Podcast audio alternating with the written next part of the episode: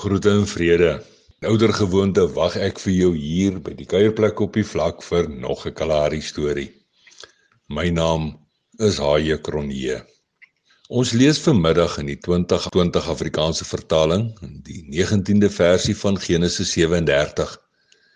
En daar staan geskrywe: Hulle het vir mekaar gesê, "Kyk, daar kom hierdie boebaas dromer aan." En vanmiddag se storie se naam Boba's dromer. Soms wonder ek of alle mense goed droom of gesigte sien en hoeveel van hulle Boba's dromers is. Dit is nou Boba's dromers wat soos Josef van ouds graag vir ander mense goed daarvan wil vertel. Of is dit nou mooi stories, unieke stories. Stories wat kosbaar en inspirerend is en oorlopends toe vol is met potensiaal geleentheid en groei. Stories oor daardie dinge wat sal wees, maar nog nie is nie. Stories wat ons as mense goed keer op keer en weer en weer moet vertel. Stories waar die kerelkind van God altyd die sentrale fokuspunt is en vertel van Vader se uitgestrekte genade en volpensvoorsiening. 'n Kosbare voorwêreld vriend het tydens hulle gemeente se uitreik aksie hierop Nuniput so 'n gesig oor my en die mooiste mooi en ons aktiwiteite hier in die Kalahari gehad. 'n Gesig een oggend vroeg waarin hy gesien het dat die opgewilde ou ashoop reg agter die Kepeke sentrum omskep is in 'n groot buitekombuis. En hy het ook gesien dat die sleepkarretjie se afdak wat direk langs ons withuis staan verander is in 'n ablisieblok met toilette en warmwater stop. En die storie oor hierdie gesig is 'n storie vir 'n ander dag. Maar vandag wil ek vir jou vertel van 'n ander bobaas dromer en haar gesig. So 'n klompie jare gelede is daar een Sondagoggend geklop aan ons kombuisdeur. Nadat ek oopgemaak het en vir Ousa ingenooi het, het sy gegroet en dadelik langs die tafel gaan sit. Skam skam skim sy vir 'n beker tee uit mevrou se hand want sê sy niemand kan tee maak soos mevrou nie. Nodeloos om te sê die mooiste mooi man net stilweg geglimlag. Die vleitketeltjie vol soetwater gemaak en die gasstoof brand gesteek. Ons weet mos teen die tyd dat Ousa niks gaan verder sê alvorens daar nie 'n beker soet tee reg voor haar staan nie. Pastoor goed, ek het net 'n gesig kom afgee, het sy later aan gesê. Omrede ek soos gewoonlik op 'n Sondag weer alleen by die huis was, het ek Bella se musiek so 'n bietjie harder as gewoonlik gedraai en, en saam gesing. Ai, dit is tog te lekker om so saam met Bella die Here se naam groot te maak. Maar julle sal my nie glo nie. Skielik voel dit vir my asof ek hier is, hier op hierdie selfe werf. En terwyl ek so staan en kyk, sien ek hoe daar 'n klompie manne besig is met bouwerk. Hulle bou iets wat lyk soos 'n groot saal.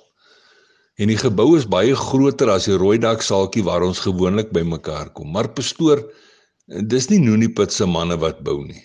Dis vreemde manne. En hulle voorman is 'n lang man.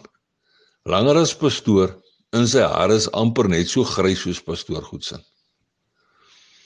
Op daardie oomblik voel dit vir my asof my hele wêreld met alles daarin stil is, stil staan. Geen geluide, geen beweging nie. Daar is net 'n beweginglose stilte want hierdie relaas het my heeltemal onkant gevang. Ek sien Kobus se vroegdag gesig beskryf iets in my binneste binne waarvan niemand niks weet nie.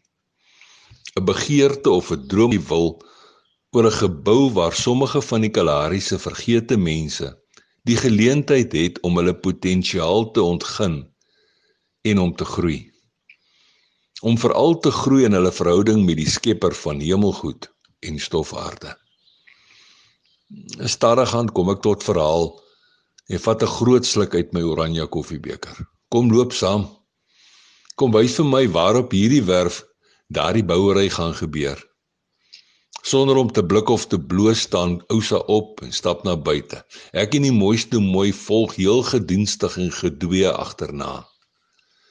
Sy was skaars van die agterstoep af toe sy vir 'n oomblik vassteek en rondkyk asof sy iets soek en dan loop sy weer gefokus verder. Nadat Ousa so end van die huis af weg is, het sy skielik gaan staan en gesê: "Net hier. Hulle het hier gebou. Die een kant van die saal lê so Bedye sy met haar arms uitgestrek. In die lang deel lê daai kant toe. Hoendervleis slaan oor my hele lyf uit. Want direk langs Kobus se voete lê 'n klompie bakstene.